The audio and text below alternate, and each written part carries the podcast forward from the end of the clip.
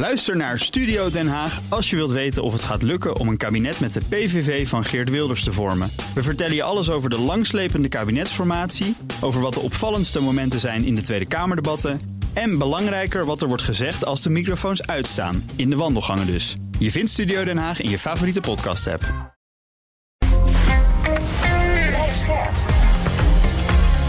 BNR Nieuwsradio. BNR breekt. Ivan Verrips. Goedemorgen en welkom. Vanaf half twaalf praat ik over het nieuws van de dag. Over dat werkende Nederlanders een steeds minder groot deel van het nationaal inkomen verdienen. En die verdiensten gaan vooral naar bedrijven en aandeelhouders. En stop toch eens met zeuren over die arbeidsmigranten, vindt een vicevoorzitter van de Europese Commissie. Daar gaan we zo meteen over praten.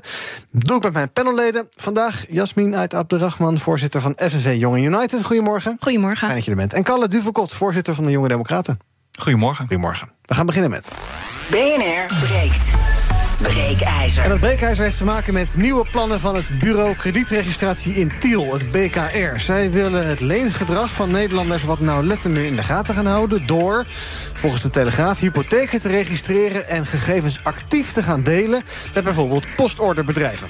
Peter van der Bos is de bestuursvoorzitter van het BKR... en die vertelt wat de plannen inhouden. Het Stimuleringsfonds eh, Volkshuisvesting verstrekt hypotheken. En dat zijn hypotheken voor zogenaamde niet-kunners. Dat zijn mensen die uh, nodig hun huis moeten verbeteren, daar geen geld voor hebben, voor geld voor willen lenen, maar eigenlijk ook nog moeite kunnen hebben met het terugbetalen van die leningen. En uh, de overheid heeft gezegd: het is toch belangrijk dat deze mensen die financiële middelen krijgen, maar uh, die hypotheek moet dan wel geregistreerd worden. Uh, klinkt misschien aardig, maar banken en bijvoorbeeld ook de vereniging Eigen Huis hebben bezwaren als het gaat om nut en ook om privacy. En dus is de vraag: is het een goed idee dat het BKR meer gaat registreren of kan dat ook doorslaan? Ons breekijzer vandaag.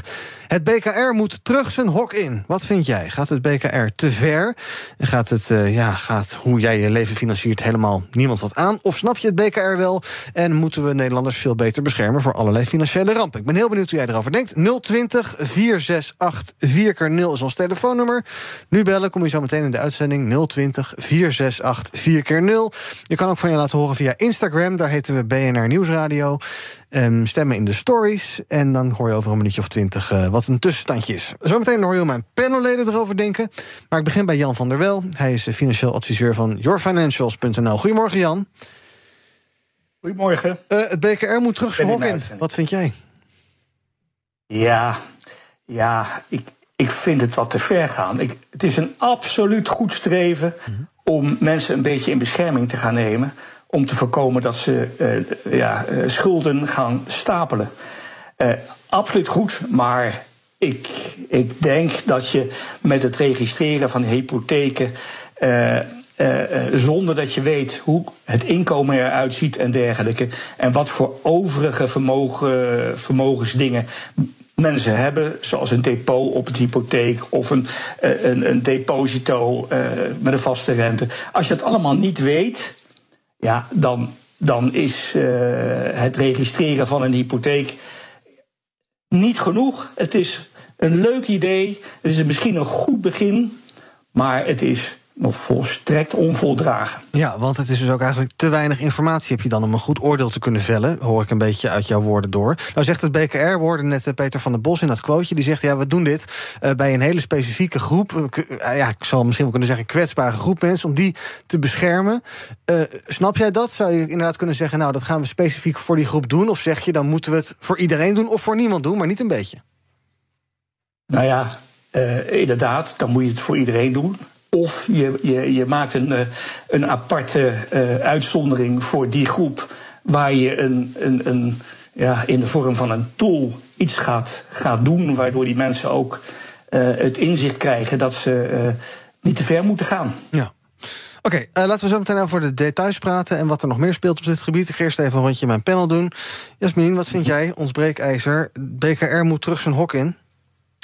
Ja, ik denk uh, de intentie van het BKR is denk ik wel goed. Hè? Dat, je, dus dat je mensen in bescherming wil nemen om niet te hoge schulden op te bouwen. Um, en die schuldenproblematiek is ook best wel groot. Ik denk tegelijkertijd ook dat uh, de oplossing niet is om, uh, als je die opeenstapeling van schulden wil voorkomen, mm. om die hypotheek te gaan opnemen in het BKR. Omdat je er daarmee eigenlijk alleen maar voor zorgt dat sowieso mensen die. Het gaat om starters, hè, voornamelijk. Dus mm -hmm. dat, die komen sowieso al moeilijk aan een huis. Dus daarmee zorg je ervoor dat die nog moeilijker aan een huis gaan komen. Um, en het, ja, het zorgt ervoor dat, uh, dat je hebt ook gewoon te maken met privacy natuurlijk. -hmm. Dus uh, het is gewoon iets van jou. Ja. Het is hele gevoelige informatie. En je wilt gewoon niet dat dat op straat komt te liggen. Nee. Ik denk dat je gewoon moet kijken naar andere dingen. Dus um, hoe, um, ja, ja, wat, uh, in hoeverre is het makkelijk om een leaseauto bijvoorbeeld af te sluiten? Je kunt op andere manieren ervoor zorgen dat mensen minder snel een lening aangaan dan de hypotheek op te nemen. Ja, en bovendien, in de Telegraaf stond een marketingmanager van ING. En die zei: Ja, als je iets wil weten over de hypotheken, dat staat al lang bij, bij ja. het kadaster te vinden. Dus hoe nuttig is het dan eigenlijk? Ja, dat kan je je ook afvragen. Je kunt ook zeggen: van ja, al die privacygevoelige informatie ligt ook op straat. Daar valt ook nog wel wat voor te zeggen. Ja. Kalle, het BKR moet terug zijn hok in. Ja, absoluut. Uh, ik, ik sluit me helemaal aan uh, dat het een, uh, een, een, een, heel nobel doel van ze is om te proberen een hele hoop schulden te voorkomen bij mensen. Maar het komt nu ook wel heel erg betuttelend over.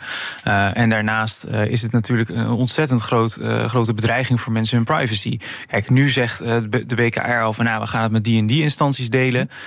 maar wat stel ze worden gehackt? dan ligt al die informatie ook weer gewoon op straat. En in vandaag de, de wereld van vandaag de dag is dat helemaal niet zo onrealistisch dat dat, dat kan gebeuren. Ja, maar goed, je wil um, consument ook beschermen. En dat ze niet te veel geld gaan lenen en onverantwoord gaan lenen. En uh, niet inderdaad lening op lening stapelen. Dus hoe, hoe maak je die afweging dan? Wat is dan redelijk en wanneer ga je te ver? Nou, ik denk dat je heel goed moet kijken naar uh, de informatie die je dan binnenhaalt. Is die nuttig? Nou, we hoorden net expert al zeggen van ja, eigenlijk kan je er alsnog niks mee. Dus dan ga je hele gevoelige informatie opnemen. Uh, terwijl je de, dan eigenlijk je doel nog steeds niet bereikt. Dus je neemt wel de risico's, maar niet uh, het profijt ervan. Um, stel nou, Jan, dat ondanks alle kritieken dit wel wordt ingevoerd. Is dan inderdaad een reëel scenario dat inderdaad als ik een bestelling plaats bij een Weekamp of iets dergelijks, dat zij dan eerst even in kunnen zien of ik netjes mijn hypotheek betaald heb? En is dat Nou ja, dat, dat is uh, in hoeverre dat allemaal zo gaat lopen, uh, weet ik natuurlijk niet. Maar in het, in het verste geval kan ik me voorstellen dat, uh, dat iemand bij de kassa staat. En dat de, de, de, de verkoper een, een aanvraag indient. En nou, dat gaat via een algoritme, dat komt bij zo'n bestuursbureau. En die, uh, die, die geeft gelijk ja of nee. Mm -hmm. En dan is ingezien uh, uh, een, een stuk van die gegevens waar het nu over gaat. Ja. En nou, dan begin ik gelijk te denken van... oké, okay, is dat een, een, een valide beoordeling? Ja.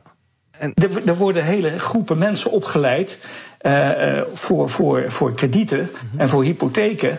Die moeten jaarlijks een, een, een, een hun PE doen, permanente educatie, die hebben ook nog een keer eerst een diploma te halen en een vergunning aan te vragen. Mm -hmm. En dit gaat dan even via een algoritme aan de kassa met, met gegevens die, die, die verre van compleet zijn. Ja, en we hebben het ook even nagevraagd bij thuiswinkel.org. Dat is een club waar onder andere bijvoorbeeld uh, Weekamp lid van is. En ze zeggen, ja, natuurlijk, je moet mensen beschermen tegen hoge schulden. Maar het is voor uh, de, de, hoogte van de hypotheek is voor webwinkels niet relevant om te weten. We zien geen toegevoegde waarde in dit plan. En vanuit privacy-oogpunt is het plan van BKR zeer onwenselijk. Dus eigenlijk vanuit de hele sector is er weerstand.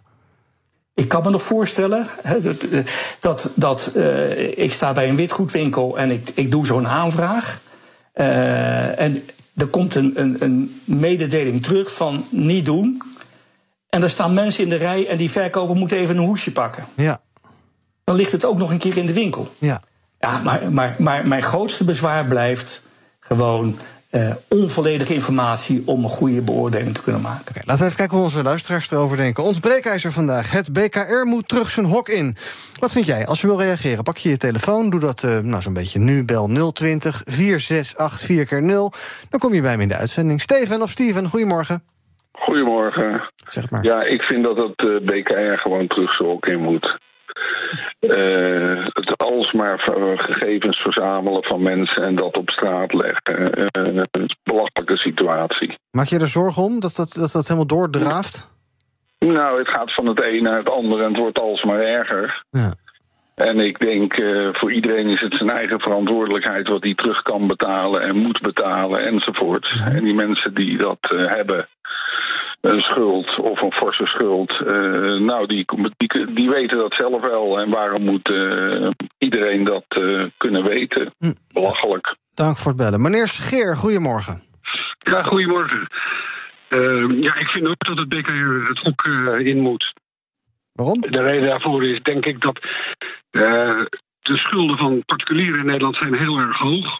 Vergeleken met de staatsschulden zijn laag. Mm -hmm. Dus er moet iets gedaan worden aan de schulden van particulieren. Er moet een ander beleid voorkomen. En of BKR dan de instantie is die dat gaat controleren, dat lijkt me heel erg onwenselijk. Dank. En tot slot van dit blokje even Sheila of Sheila, goedemorgen. Ja, goedemorgen. Zeg het maar. Ik ben eens met de stelling. Ja.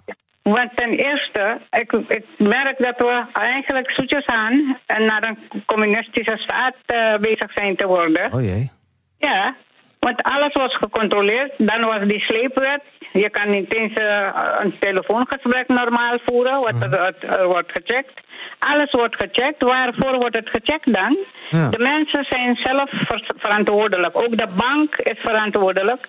Als je bij de bank een lening aan wil sluiten, die gaat ook alles na. Mm -hmm. Kan je het betalen of niet? Ja, maar ja, als... Waarvoor moet dit alles allemaal ja, gebeuren? Maar als de bank u te veel geld leent en u komt daardoor in de problemen, dan, dan draait de samenleving daarvoor op uiteindelijk.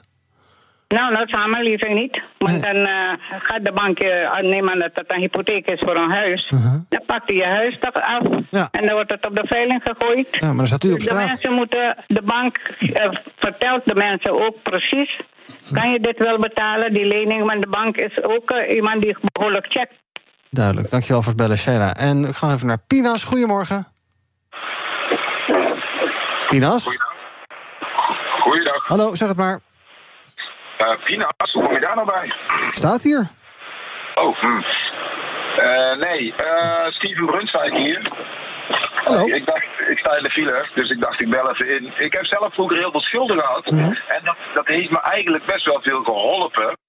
En als ik dan kijk naar uh, de stelling nu, dan denk ik ja, we kunnen wel allemaal in de bres springen van het is levensgevaarlijk en we moeten het niet doen. En uh, de BKR duwt overal een, een, een, een, neusje in en wil de vinger in de pap hebben. Maar aan de andere kant bescherm je mensen er ook tegen. Ik Ja. heb er heel veel aan de BKR gehad, anders was ik nog dieper in de shit. Nu ben ik uitgeschulden, dan heb ik een huis gekocht en prima. Mhm. Maar uh, als er een extra stok achter de deur zit om de mensen te helpen daarin en er is een controle om uh, dat ervoor te zorgen dat de gegevens die op straat komen te liggen, um, dan zie ik het probleem niet ervan in. Want Nee. waarom zou je het niet doen? Want heel veel mensen komen juist in de, in de problemen omdat ze maar blijven lenen en lenen en dan gaan ze naar die bank en die bank en, en nergens staat geregistreerd van dit is de grens. Ja. En moet dat, uh, moet dat op vrijwillige basis of heeft dat geen zin dan?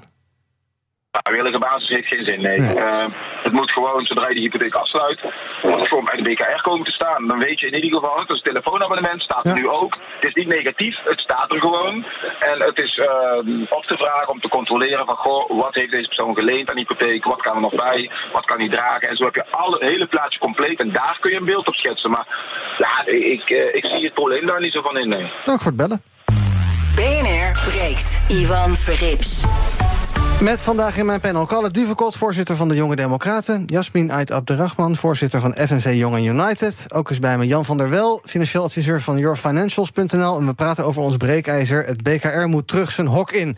Als u wil reageren, uh, 020 468 4 keer 0 Dus 020 468 4 keer 0 Nu bellen, dan uh, praat je zo meteen nog mee in de uitzending. Ik geloof dat je wilde reageren. Het Kalle is dat je vinger Ja. voorzichtig op. Ja. Ja, zeker. Dat, hele, heel, dat het heel aandoenlijk als panelleden een vinger opsteken. Zo van, mag ik de beurt? Ja, Ja, het is toch beter dan in één keer doorheen schreeuwen. Nee, het is heel Nee, bestraft, ehm, ik, ik hoorde iets waar ik graag op wil- wilde inhaken bij een van de bellers. Die zei van ja, eh, mensen die, eh, die hoge schulden hebben, die weten dat zelf natuurlijk, eh, natuurlijk wel. Mhm. Maar die, wat ik daaraan toe zou willen voegen, is weten vaak niet hoe ze er zelf weer uit moeten komen. En dat hoorde ik over volgens de laatste beller zeggen van ja, ik heb wel een hele hoop hulp erbij gekregen. Mhm.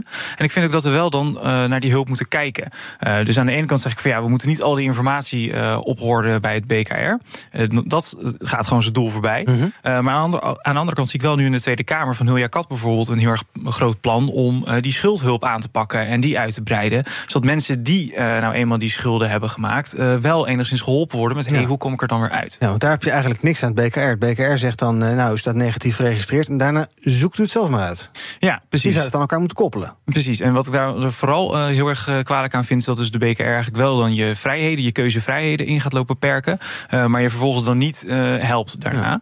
En ik zou het juist andersom willen zien van... joh, je moet gewoon eh, vrijheden hel- eh, hebben om, eh, om bepaalde keuzes in je leven te maken. Welke lening ga je wel, welke ga je niet aan? Eh daar moet je goede voorlichting voor krijgen, dat is allemaal goed en aardig. Eh, maar als mensen dan inderdaad in de problemen zitten... dan moeten we ze ook wel kunnen helpen. Ja, Jasmin, eh eh, Shaila zei net, we gaan langzaam richting een communistische staat. Is dat iets wat jij ook ervaart, of valt dat wel mee?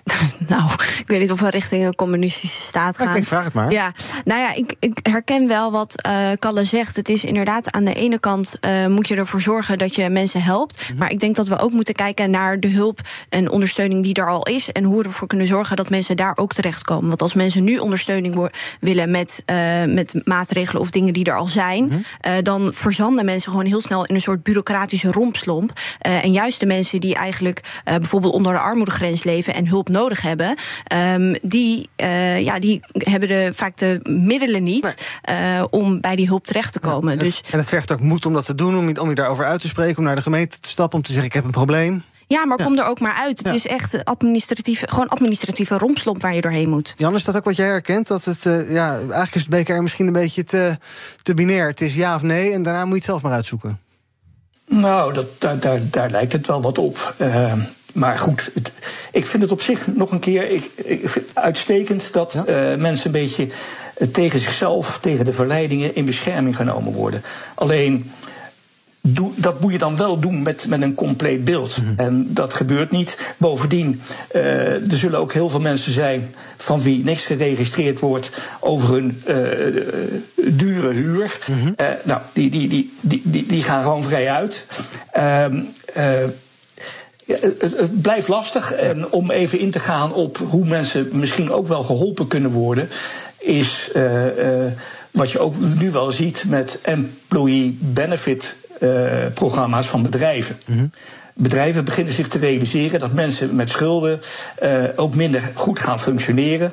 En als je dan als bedrijf gaat faciliteren dat die mensen met een financieel planner in contact kunnen komen op een vrij drempel, eh, lage drempelige manier, dan zou dat ook alweer een, een aantal gevallen kunnen, eh, kunnen opleveren van mensen die daarmee weer geholpen worden. Ja, en daar heb je als ondernemer zelf Dus ik denk ook een, een, een, een, een rol voor bedrijven met employee benefit. Ja. Eh, als, als we naar het BKR kijken, als je bijvoorbeeld eh, een, eh, een lening aangaat en die betaal je een paar termijnen niet goed op tijd terug, dan kan dat een negatieve registratie opleveren. Die blijft vijf jaar staan. Is dat, is dat Ja. terecht? Want ja, je wordt na, bij wijze van spreken na 4,5 jaar nog steeds geconfronteerd met die, met die schuld die je vijf jaar geleden had. Je hele leven kan helemaal veranderd zijn. Ja, is dat, wel, is dat zo terecht? Nou, dat, dat, dat kan je je afvragen. Dat, is van, eh, dat, dat hangt van het geval af. En eh, natuurlijk is dat een, een soort van generieke maatregel waar eh, veel mensen eigenlijk door geholpen worden. Want ze gaan geen nieuwe schulden meer aan, omdat ze. Die, ze hebben in het verleden bewezen daar toch wat slechter mee om te kunnen gaan. Maar er zitten natuurlijk ook gevallen tussen die daar veel minder schuld aan hebben. Ik ken zo'n geval. Ja, en je krijgt die, je krijgt die eh, BKR-notering krijg je vijf jaar lang niet weg. En vooral voor die gevallen vind ik het eh, een, een, een hele lastige. Ja, ja het gaat ook om, je- om, om, om lullige dingen soms. Hè? Dat je een paar honderd euro te, te- weinig eh, betaald hebt een keer... en dat je daar, daardoor Ja. geen huis kan kopen. Ja, meneer eh Flikweert, geloof ik, was het van ING. Die maakte er ook een opmerking over. Je, je komt in de problemen met, met, een, met, een, met een lening of iets voor, voor, voor een apparaat. En eh, dat apparaat functioneert niet en daarom betaal je niet. En vervolgens kom je in een, eh, in een A-codering terecht bij het BKR. Ja. Ja, dat, en misschien, misschien heeft die, die consument wel hartstikke gelijk. Ja. Maar de- je zit wel met een A-codering. Ja, en probeer, probeer dat maar eens weg te krijgen. Daar heb je advocaten voor nodig en het wordt één groot juridisch getouwtrek. Ja, En, en, en, en in veel gevallen zal dat niet eens lukken. Nee. Laten we nog even naar een paar bellers kijken wat zij ervan denken. Ehm, ons breekijzer dus, het BKR moet terug zijn hok in. Diederik, goedemorgen. Ja, goedemorgen. Ja, ik zie het BKR veel meer als een eh, symptoom van het probleem. Eh, we kunnen zo makkelijk schulden aangaan. Er zijn talloze appjes waarbij ik dat kan doen. En voorfinanciering via bedrijven, noem maar op. En het grootste probleem zijn natuurlijk studentenleningen. Als 18-jarige kan je een NINJA-lening krijgen van 80.000 euro. Je hebt geen inkomen, geen werk, geen asset. En je kan gewoon met één muisklik 80.000 euro lenen. En dat geeft voor die mensen zo'n verwrongen beeld van hoe je aan geld moet komen en de waarde ervan. Dus het is totaal niet vreemd dat juist die generatie, die is opgegroeid met aangaan van studieschulden, dat die dan ook uiteindelijk in de problemen komen. En natuurlijk bij de BKR, dan moet de BKR dan maar waarschuwen van denk erom dit en dat. Ja. Maar ja, het probleem zit natuurlijk veel dieper. Ja, en, en die 80.000 euro, daar bedoel je die studieschuld mee? Toch? Ja, ja, die kan gewoon eindeloos oplopen. En ik ken mensen die echt 100, 200.000, of thans hè, gezamenlijk, Uh-huh. 100, 150.000 euro schuld. Nou, weet je, dat op je 18e beslissen, dat kan gewoon niet. En die wordt niet bij het BKR geregistreerd en dan wil je een huis kopen. Nee, dat is straks weer wel, hè, dan, nou, straks misschien weer wel, maar dan moet je nu nog, moet je nog gaan verzwijgen en dergelijke. Allemaal tamelijk waardeloos. Moet dat ook niet eens veranderen, Jasmin? Dat dat wat duidelijker wordt? Want ja, eh, eh, st- studieschulden en dergelijke staan nu niet bij het BKR. Eh, dat wil het BKR wel, maar ja. Nu als je een huis wil gaan kopen, dan eh, moet je dat eigenlijk gaan verzwijgen. Wil je geld? Ja, dat is wel ideaal. hè. Nou, toen het leenstelsel was ingevoerd, toen eh, is beloofd door de politiek dat het niet eh, geregistreerd zou worden bij het BKR. Nou zijn er natuurlijk heel veel beloftes gedaan door de politiek rondom het leenstelsel. Die hele invoering had natuurlijk nooit mogen gebeuren. Dat hebben ze nu gelukkig ook toegegeven. Ehm, maar ja, ik, denk dat ehm, als je het hebt over studieschulden, die moeten absoluut niet opgenomen worden in het BKR. Maar ik hoorde, het, ik hoorde net iemand ook zeggen van eh, als je een huis wil kopen, dan is het dus wel nu ingewikkeld. Maar ja, een hypotheek is misschien 600, 700 euro in de maand. Als je particulier huurt, is die huur no- natuurlijk veel hoger. En dat wordt helemaal niet opgenomen in je BKR, in het BKR. Ehm, dus ik vraag me af in hoeverre mensen er dan echt mee geholpen zijn. Omdat, nou ja, ik kan dus geen hypotheek afsluiten. Maar ik mag wel een huis huren wat mij veel meer geld kost. Dus dat gaat me financieel op zich natuurlijk niet voor, verder helpen. Ja, je mag wel 1400 euro per, huur aan, eh, per maand aan huur betalen. En Precies. niet inderdaad 800 euro voor een Ja. Is ook raar. Eh, eh, Jan, kijk, kijken banken en geldverstrekkers altijd 100% naar het BKR? Of kunnen ze daar ook eigen afwegingen maken en doen ze dat ook? Nou, ze beginnen natuurlijk wel te kijken naar het BKR. Dus dat eh, zitten daar achterstanden in en, en, dergelijke. Dus dat, en, en zijn die daar geweest? Staat er een A-codering of een, eh, nou, wat, wat vroeger het geval was, een A5, als het afgeschreven is, een lening door de bank? Ja, daar kijkt men natuurlijk wel eerst naar. Maar laten we even, even eh, aannemen dat het een schoon BKR is. Ja, dan ga je dus vragen stellen. En je gaat eh, bewijsmateriaal, je gaat documenten opvragen. Eh, zo hoort daar ook bij de studieschuld. Die gaat natuurlijk ook meelopen in, in de bepaling of je wel of niet een bepaalde schuld kan aangaan. En dit, dit is een, een, een over het algemeen degelijk proces eh, waarop een, een afgewogen beoordeling plaatsvindt. Jasmin, wil jij reageren? Ja, ik wil even iets toevoegen als het gaat om studieschulden. Want wat je nu ziet is dat eh, als je studieschuld geregistreerd wordt bij het BKR, dan helpt het natuurlijk niet eh, voor mensen om financieel meer verantwoorde keuzes te gaan maken. Sterker nog, mensen gaan financieel onverantwoorde keuzes maken. Dus mensen gaan bijvoorbeeld hun studieschuld verzwijgen bij Ja. het BKR. Dus daarin kan je je ook nog wel afvragen in hoeverre het zin heeft. Ja. Laten we dit half uur eh, besluiten met John of John. Goedemorgen. Goedemorgen. Zeg het maar. Ja, eh, ik vind het vooral vervelend dat je eh, BKR, dat zijn je eigen gegevens. En eh, je kan het zelf niet inzien. Je moet naar je bank toe om te vragen van hoe sta ik geregistreerd. Terwijl elke financiële instelling kan precies zien of je wel afgelost hebt, niet afgelost hebt, wel betaald, niet betaald. En hoe hoog je schuld is en wat er allemaal in staat. Wil je een nieuw telefoonabonnementje afsluiten en het oude staat er nog vijf jaar in, wat die meneer er net zei, eh, is dat erg vervelend natuurlijk. Want je kan ook geen beslissingen maken op een, iets wat je aan wil schaffen, wat gefinancierd moet worden, omdat je zelf geen eens weet waar je staat. En, dan, en dan ga je een heel traject in. En, en dan word je op een gegeven moment word je alsnog afgewezen door een hypotheekverstrekker of een leasemaatschappij of whatever.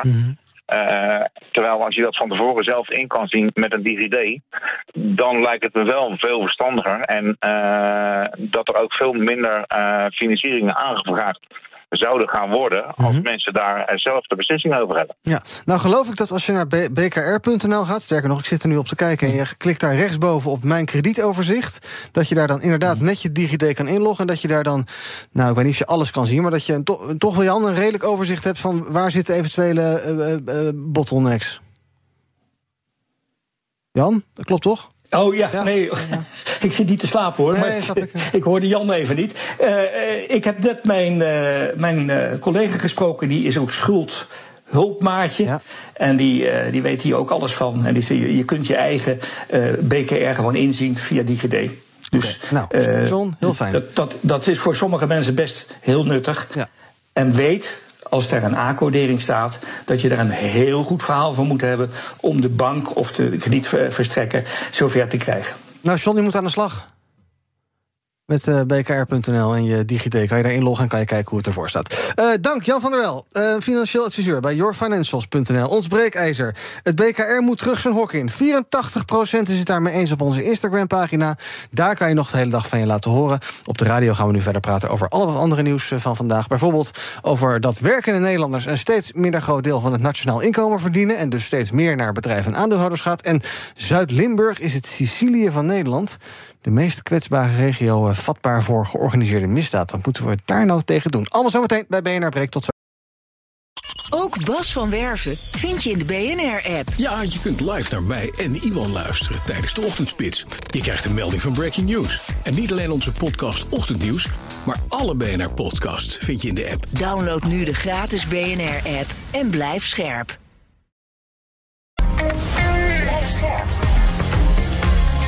BNR Nieuwsradio. BNR breekt. Ivan Verrips. Welkom terug. In mijn panel vandaag Jasmin Ait Abderrahman, voorzitter van FNV Jongen United. En Kalle Duvekot, voorzitter van de Jonge Democraten. We gaan praten over het eh, nieuws van de dag. Te beginnen in de Volkskrant. Ehm, aandeelhouders eh, van bedrijven die boeren erg eh, lekker op dit moment als het gaat om nou, profiteren van wat er in dit land verdiend wordt. Dat gaat ten koste van werkenden, mensen met een baan. Die hebben namelijk in 50 jaar tijd niet zo'n klein aandeel van het nationaal inkomen ontvangen als dat dus nu het geval is. Het CPB, Centraal Planbureau, voorspelt dat de verhouding tussen eh, inkomen en kapitaal volgend jaar historisch laag zal zijn. En de vraag is een beetje: is dat een probleem? Want ja, als je, eh, eh, we zien wat er nu gebeurt. inkomens blijven achter, enorme inflatie, bedrijven die boeren soms best goed. Ja, dan gaat er meer geld naar bedrijven. Is dat een probleem, Jasmin? Ja, ik denk dat dat een heel groot probleem is. Ja. Eh, je ziet inderdaad dat uh, de afgelopen 50 jaar is, uh, is het nog nooit zo geweest dat. Nou, is het verschil nog nooit zo groot geweest. Um, en ik denk dat je gewoon ziet dat de lonen veel te lang achter zijn gebleven. en werkgevers die zeggen al heel erg lang van nou, we kunnen het niet, we kunnen het niet betalen. Nou, we, zien nu gewoon dat dat niet waar is. Um, en ze zeggen van ja, het zou niet goed zijn voor de, voor de economie. omdat de winsten achter zouden blijven. Maar we zien nu eigenlijk precies het tegenovergestelde. Namelijk dat uh, de koopkracht niet op gang komt omdat de lonen achterblijven. Dus mm. het wordt gewoon tijd om uh, die lonen te verhogen. Ja, maar blijkbaar is dat niet nodig. En uh, denken die bedrijven, nou, het zal onze tijd wel duren. Nou ja, dat is natuurlijk het resultaat geweest van eigenlijk een soort uh, deregulering van uh, de markt. Uh, en het kabinet zegt nu ook van dat bedrijven die lonen echt moeten gaan ophogen. Mm -hmm. Dus ja, het is inderdaad een probleem dat die bedrijven veel te lang hun eigen gang zijn gegaan. Ja, het kabinet gaat er alleen niet over, hè? Nee, nee. nou ja. Zou je nee. kan oproepen, maar ja. Ja, precies. Maar ja, dus ze moeten, ja, er moet gewoon iets gaan gebeuren nu. wat dan? De lonen moeten omhoog. Ja, dat snap ik. Maar ja. hoe ga je dat regelen? Want uh, die, als die bedrijven niet willen. Ja. ja, het is een onderhandeling altijd. Nou, ik, ja, het is een ja. onderhandeling altijd. Dus daar ja. zitten vakbonden ook exact. aan tafel. Maar ik denk ook dat nu, uh, als je kijkt hoe we ervoor staan, dat bedrijven eigenlijk ook geen keuze meer hebben. Hm. Uh, het, het, is gewoon schandalig natuurlijk dat je dat midden- en onderklasse, de la, dat de lage, laagste inkomensklassen niet rond kunnen komen. Maar dat de top van het bedrijfsleven wel allemaal geld binnen aan het harken is. Hm. Ja, ik, ik zou daar als. Ja, ik, word daar in elk geval niet vrolijk van. Nee. Uh, Kalle, um, uh, vind jij dit een probleem in de zin van. Ja, dit is nou eenmaal. laat ik zo zeggen. We hebben al heel lang gezegd: werken moet meer lonen. Zeg, hoor je al maanden, jaren in de politiek. Maar als je dit dan ziet, dan denk je: ja, werken loont eigenlijk helemaal niet meer. Nee, nee. Ik, uh, ik kan na twaalf jaar VVD-beleid er niet heel uh, verrast voor zijn, helaas. Maar uh, ik vind ook gewoon dat we er naartoe moeten dat we vermogen gaan belasten in plaats van arbeid. -huh. dus ja, de, de, de lonen, daar gaat de overheid niet over, behalve het minimumloon, wat ook wel omhoog mag. Uh, maar uh, de belastingen, daar gaan ze wel over. Dus ik zou zeggen van ja, ga nou eens even kijken naar dat vermogen meer belasten, uh, naar arbeid minder belasten. -huh. En als jonge democraten zijn wij zelfs voor een negatieve inkomstenbelasting als dat nodig is. Oh, dus hoe meer je werkt, hoe meer je verdient dan? Hoe werkt dat? Nee, uh, dat is uh, als je echt hulp nodig hebt. Ja. Dus als je zo'n laag inkomen hebt dat je eigenlijk er niet voor rond kan komen. Wat op zichzelf al niet zou moeten kunnen in nee. Nederland. dan krijg je een, een, soort basisinkomen van de overheid. En dat zorgt er ook voor dat we meteen het hele ingewikkelde toeslagensysteem bijna daardoor kunnen afschaffen. dus dat is waar wij als jonge democraten voor pleiten. Dus ga aan die belastingen werken en zorg dat, dat arbeid loont en niet belast wordt, maar dat we vermogen gaan belasten. Hm. Toch, Jasmin, die bedrijven zorgen wel dat die banen er zijn die aandeelhouders. Dus ja, het zou ook een beetje cru zijn om ze, om te zeggen... Uh, ondernemen is vies en dat mag niet... en je moet alleen maar uh, geld naar werkenden sturen. Nou ja, uiteindelijk heb je ook gewoon die werkenden nodig om dat bedrijf ja, uh, draaien. Een beetje elkaar nodig. Ja, je, nou, dat sowieso. Ja. Maar je hebt gewoon die werknemers nodig om je bedrijf draaiende te houden. En ook om de economie draaiende te houden. Mm -hmm. uh, en nou wat ik zeg, je kunt niet aan de ene kant uh, hele hoge winsten maken. En de mensen die, die je nodig hebt en die het werk verrichten, daarin achterlaten. En inderdaad, het minimumloon moet omhoog. Um, en je ziet ook vaak, hè, als het minimumloon omhoog gaat, dat de andere lonen ook automatisch weer mee omhoog gaan. Dus het is gewoon heel belangrijk dat dat minimumloon nu eindelijk een keertje omhoog gaat. En dat bedrijven ook gewoon, uh, nou ja, ja, eindelijk gaan toegeven hierin. Ja, hoe, uh, hoe, hoe voelt dat voor jou als FNVR? Want ik kan me voorstellen dat dat wel eens een machteloos gevoel is. Dat je, dat je een beetje een roepen in de woestijn bent. Nou ja, kijk, ik ben natuurlijk van de jongere tak, mm -hmm. hè, van de FNV. En uh, wat ik zelf heel erg pijnlijk vind, is per 1 januari gaat natuurlijk het minimumloon omhoog. Uh, dat is mooi, hoewel uh, het, het, nog steeds niet genoeg is. maar wat je vooral ziet, is dat jongeren onder de 21 daar eigenlijk extra hard door worden geraakt. Omdat die te maken hebben met je jeugdloon. En als je 18 bent, dan krijg je de helft van het loon van iemand die 21 of ouder is. Ja. Dus zelfs zo'n verhoging van het minimumloon, daar voel je als jongere onder de 21 eigenlijk bijna helemaal niks van. Oh, heb je niet zo Wat eigenlijk toch wel heel erg raar is. Ik bedoel, boven de 18 mag je wel stemmen, maar je krijgt niet hetzelfde minimumloon. Nou, precies. Ja, je mag alles en je moet alles. Ja, we gaan het zo meteen volgens mij ook nog uh, even over hebben. Maar je mag alles en je moet alles. Dus daar moet ook gewoon een volwassen loon tegenover staan. Waar gaan we het zo meteen over hebben? Ja, ik wil het zo meteen hebben over de armoedegrens. Oh ja, precies. Dat, dat gaan we het zo meteen. Nee, ik was benieuwd, maar dat, okay, ja. dan zitten we op één lijn. Uh, uh, ander verhaal vandaag in het Algemeen Dagblad. Uh, Eurocommissaris Skinas die zegt daar... Nederland moet niet zo klagen over uh, arbeidsmigratie. Hij snapt best dat we met een woningtekort kampen in ons land. Maar ja, en dat het misschien ook wel een beetje vol aan het worden is... gezien ook de hoeveelheid huizen die we hier hebben. Maar ja, zo is er overal wel wat, zo zegt hij. Zo kan Italië de stroom van vluchtelingenboten niet aan. In Griekenland blijven de migranten hangen op de eilanden. Kortom, ophouden met zeuren en aan de slag. Verfrissend geluid, uh, Kalle, deze ochtend? Van de skinas? Ja, aan de ene kant wel. Aan de andere kant ben ik er nooit zo heel erg fan van... als je uh, tegen mensen met zorgen zegt van... ja, je mag niet zeuren. Um, je moet mensen met zorgen altijd horen. Maar ik ben het wel, wel helemaal met hem uh, mee eens... dat arbeidsmigratie gewoon iets goeds is voor Nederland. Uh, het is goed voor de economie. Uh, het is uh, ook, want we hebben, we hebben gewoon een schrijnend tekort aan werknemers. en het is heel erg goed voor die mensen zelf. Kijk nu naar de Oekraïnse vluchtelingen die meteen aan het werk mochten. Die zijn hartstikke goed geïntegreerd. die, die, dat, dat, dat werkt voor alle partijen. Mm -hmm. en maar ondertussen zijn er ook een hele hoop asielzoekers en vluchtelingen in Nederland. die dan wel een baan kunnen krijgen. Zelfs een baan aangeboden hebben gekregen. Ja. maar dan van het COA er niet aan mogen beginnen. Ja, die willen ook graag werken, maar dat mag dan niet. Precies. Ja. En dat is iets wat je natuurlijk ten alle tijde wil voorkomen. Dus ik ben het in dat opzicht wel helemaal met de eurocommissaris eens. Ja, ik kan me wel voorstellen dat als je mensen naar een land wil halen of wil uh, toestaan daar naartoe te gaan, je, dan moet je ze wel onder kunnen brengen. En dat is een beetje ingewikkeld nu, hè? Ja, dat is zeker ingewikkeld, maar dat is een probleem dat er los van uh, de hele migratieketen ook al is. Dat snap ik, maar dat beïnvloedt de migratieketen ook. Ja, precies. Maar het, is, uh, het, het hele woningtekort is sowieso een probleem ja. dat opgelost moet worden. Daar, volgens mij zijn we het daar allemaal uh, met elkaar over eens. Maar, maar totdat het opgelost niet. is, kan je niet echt iets met, met, met migratie. Ja, maar moeten we, dan, moeten we dan ook uh, absurde maatregelen gaan nemen dat mensen een beperkt aantal kinderen zouden mogen krijgen? Want als je dan zegt van ja, nee, we hebben voor, voor, voor te weinig mensen een huis, ja, dan moet je naar alle instroom kijken. En niet alleen de instroom die vanaf het buitenland komt. En uh, dat is uh, wat mij apart echt een absurd uh, voorstel om, om ook daar naar te gaan kijken. Ja. maar dan moet je ook eerlijk zijn en zeggen van nou, dan is de migratie ook niet het grootste, het grootste oorzaak van ons woningprobleem. Jasmin, moeten we potentieel zien in arbeidsmigratie? Is dat een deel van de oplossing van personeelstekorten die we nu hebben? Ja, ik denk dat we helemaal de luxe niet hebben om te gaan zeuren over arbeidsmigratie. Inderdaad, we hebben mensen gewoon heel hard nodig. En ik denk sowieso als je mensen hier naartoe haalt, haalt dat je ze ook uh, goede, goede levensomstandigheden moet bieden. Um, en ik ben het helemaal met Kalle eens dat uh, de wooncrisis, dat is een probleem op zich. Dat is een probleem dat wij met z'n allen hebben gecreëerd. En daar moeten we een oplossing voor vinden. En de eurocommissaris zegt ook van ja, elk land heeft zo zijn eigen problemen. Ja. Uh, dat moet je zelf oplossen. Maar het gaat nu om de samenwerking binnen Europa. en daar moeten we, daar moeten we mee aan. Dus daar moeten we verder mee. Ja. Maar als iedereen naar zijn eigen navel staart en zegt: uh, wij hebben dit probleem en dat land heeft dat probleem en andere landen hebben dat probleem, dan komt er nooit een Europese oplossing. Want daar heb je ook altijd uh, unanimiteit voor nodig. Ja, dat klopt. Dus iedereen moet zijn mond houden en gewoon met zijn eigen problemen aan de slag. Uh, en wat ik zeg, je hebt gewoon de luxe niet nee. om uh, nu te zeuren over arbeidsmigratie. Los van het principe, mm -hmm. hè, even los daarvan. Gewoon gezien de situatie kunnen we het daar gewoon nu niet over hebben. Nee, even kijken nog naar de situatie in Duitsland. Daar kondigden ze vorige week uh, al aan om regels omtrent arbeidsmigratie te versoepelen. Want ook daar hebben ze een personeelstekort. Dit zei onze Duitsland-correspondent Dirk Marseille daar toen over. Het gaat concreet om migranten um, die een verblijfsvergunning moeten krijgen al na vijf jaar in plaats van acht jaar.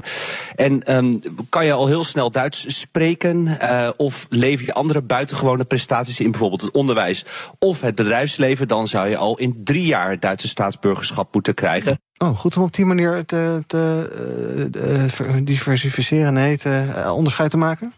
Ja, dus als je, hoor ik dat goed, als je goed de taal spreekt, dat je dan sneller. Ja, en als je iets bijdraagt aan de samenleving, als je weet ik veel docent. Nou, dat wil ik even zelf in hoor. Maar. Nou, ik denk dat we nu in Nederland ook zien dat heel veel mensen gewoon langs de kant staan, die inderdaad gewoon al lang aan de slag kunnen. Uh, we hebben bij Oekraïense vluchtelingen gezien dat, ze, uh, dat het allemaal kan. Dus ik zou zeggen, doe dat bij alle uh, arbeidsmigranten en, geef me, en alle vluchtelingen ook. En geef mensen gewoon de kans om aan het werk te gaan. Want dat willen mensen ook. En daar kan je nu mee beginnen. Ja.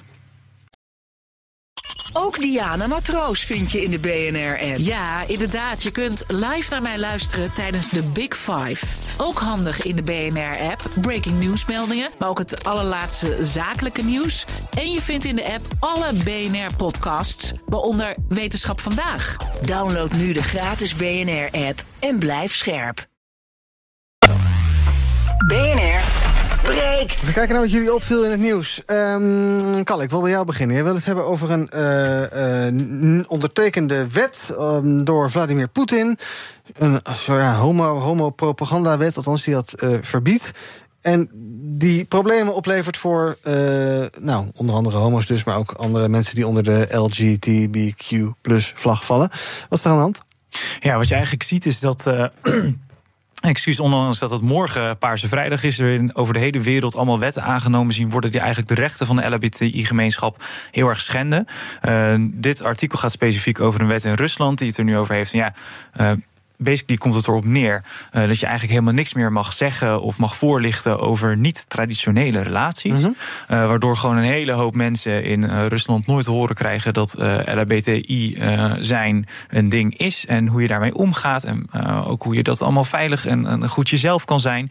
Nou, dat is hartstikke slecht. Ondertussen zien we in, in, in Indonesië nu een wet die gaat zeggen van ja, je mag geen seks meer hebben voor het huwelijk. Ja. Maar de catch is dat Indonesië ook geen homohuwelijk heeft. Dat betekent dus eigenlijk dat je alle uh, seks tussen mensen van hetzelfde geslacht, uh, geslacht automatisch illegaal verklaart. Mm -hmm. uh, en dat is gewoon een heel erg slechte trend. Je ziet gewoon aan alle kanten dat die rechten worden aangevallen. Um, en om het ook even te betrekken op ons eigen land, zie je dat het nog niet helemaal lekker gaat op alle punten. we hebben de afgelopen jaren hebben echt nou, verschrikkelijke verhalen gehoord uit ons onderwijs, voornamelijk het bijzonder onderwijs, waar dan werd gezegd: ja, wij hebben de vrijheid van onderwijs om onze eigen levensovertuiging te beleiden. Ja. maar dat betekent ook dat als je bij ons op school homo bent of lesbisch of wat dan ook, dat we je opsluiten in een lokaal zodat je uit de, de kast komt naar ja. je ouders. Uh, dat zijn echt gewoon verschrikkelijke verhalen. Dat zou niet moeten mogen. Iedere leerling moet gewoon veilig zijn in het Nederlandse onderwijs. Uh, en wij gaan als jonge democraten in ieder geval morgen vlaggetjes uitdelen bij scholen om uh, regenboogvlaggen om te laten zien van hé, hey, bij ons kan je wel terecht. En wij vinden dat iedereen gewoon veilig moet zijn. Want wat houdt dat Paarse Vrijdag in? Paarse Vrijdag is eigenlijk een dag waarop er uh, heel erg veel aandacht wordt gevraagd voor de LHBTI-gemeenschap. En waar vooral ook uh, het, de boodschap wordt verspreid van hé, hey, het is oké okay om jezelf te zijn. Mm -hmm. En tot die tijd, als je in uh, Rusland woont of als je in Indonesië woont. en je hebt het idee, ik, ik, voel me niet helemaal in het standaard hetero plaatje passen. Ja, dan heb je dus met deze wetten een heel erg groot probleem. Ja, maar wat moet je dan doen? Ja, ik, uh, ik, ik durf daar, daar heel weinig over te zeggen. Uh, in ieder land is dat anders. Um, maar uh, probeer inderdaad contact te leggen met, met lotgenoten. Probeer ja. daarin samen sterk te staan. heel radicaal zou ik willen zeggen: laat je niet verstommen en laat je niet het zwijgen opleggen. Nee, maar als het gevaarlijk is? Precies, het is wel heel erg gevaarlijk. Ja. maar ik weet bijvoorbeeld dat het Nederlandse COC heel erg samenwerkt met buitenlandse organisaties. Ja. Om dan toch te zorgen dat zij op een veilige manier hun punten kunnen maken. dus dan zou ik tegen die mensen willen zeggen: kom naar het Nederlandse COC toe.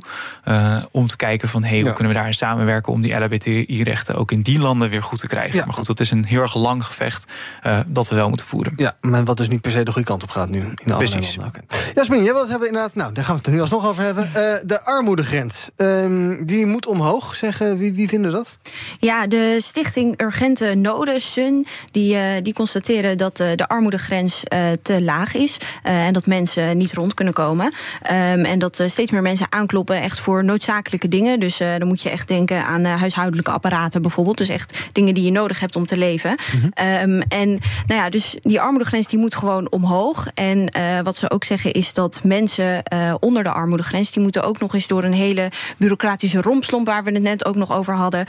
om door de aanvraagprocedure heen te komen. Dus dat zijn eigenlijk twee problemen. Aan de ene kant kunnen mensen dus gewoon niet rondkomen... van die armoedegrens. Um, en um, die, die rompslomp, daar moet dus iets aan gedaan worden. Um, nou, vanaf 2023 uh, gaat het kabinet koopkrachtmaatregelen treffen. Dus uh, bijvoorbeeld het minimumloon gaat omhoog. Um, maar ja, er blijft gewoon een hele grote groep um, die dan nog steeds niet de eindjes aan elkaar kan knopen aan het eind van de maand. En nou, wat ik net zei, ik ben van de jongere tak van de FNV. en nou, ja, wat ik dan en wat wij gewoon zien, is dat jongeren best wel een groot onderdeel ook zijn van die kwetsbare groep. Mm-hmm. Uh, en dat heeft te maken met onder andere het, het minimumjeugdloon. door een nationale ombudsman die heeft laatst nog gezegd dat uh, jongeren onder de 21 niet rond kunnen komen van het jeugdloon en niet van de bijstand. En al die uitkeringen die zijn natuurlijk gekoppeld aan het minimumloon. Hè. Dus dat ja. betekent dat, en het is eigenlijk heel erg gek, want dat betekent dat dus het loon te laag is en daarmee is je vangnet dus automatisch ook, ook te, te zwak. Ja. ja, en dat is natuurlijk een heel groot probleem. Dus wat er gewoon moet gebeuren is mensen moeten gewoon een inkomen gaan krijgen waar ze rond van kunnen komen. Uh, en dan zorgen we er ook meteen voor dat dat vangnet wat sterker is. Ja, want die armoedegrens dat is een soort van een, een bare minimum wat je nodig ja. hebt om te overleven voor eten en ja. drinken, dat soort zaken. Uh, 1460 Klopt. euro netto per maand dit ja. jaar. Wat zou dat dan moeten zijn?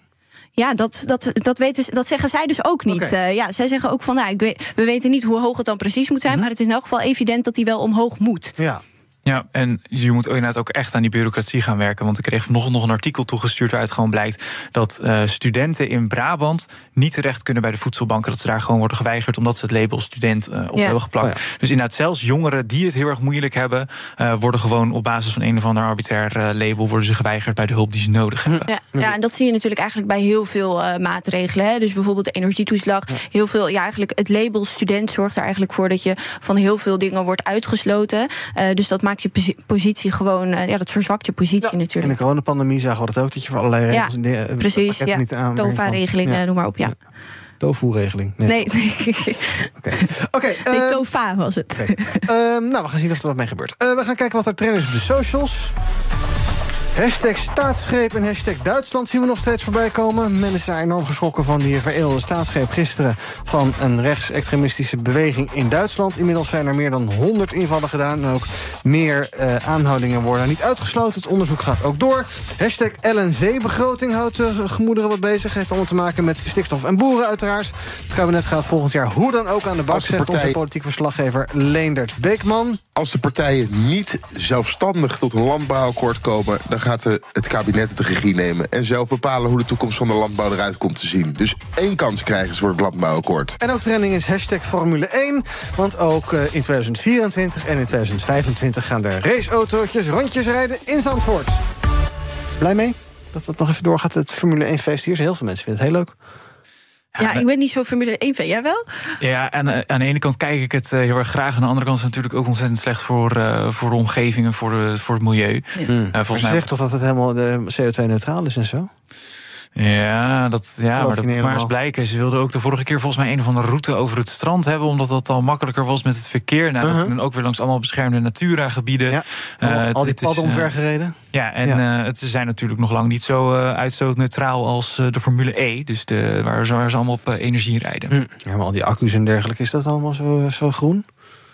Ja, dat, dat ligt eraan waarmee je ze vult. Ja, en hoe je ze maakt en dergelijke. Oké, dus je kijkt er met een beetje, een beetje plaatsvervangende schaamte. Ja, het, het is aan de ene kant heel leuk om, uh, om te kijken. En aan de andere kant denk ik, het kan groener. Nou ja, denk ik toch een beetje denken aan het WK. Maar goed, uh, laten we het toch hier even hierover hebben.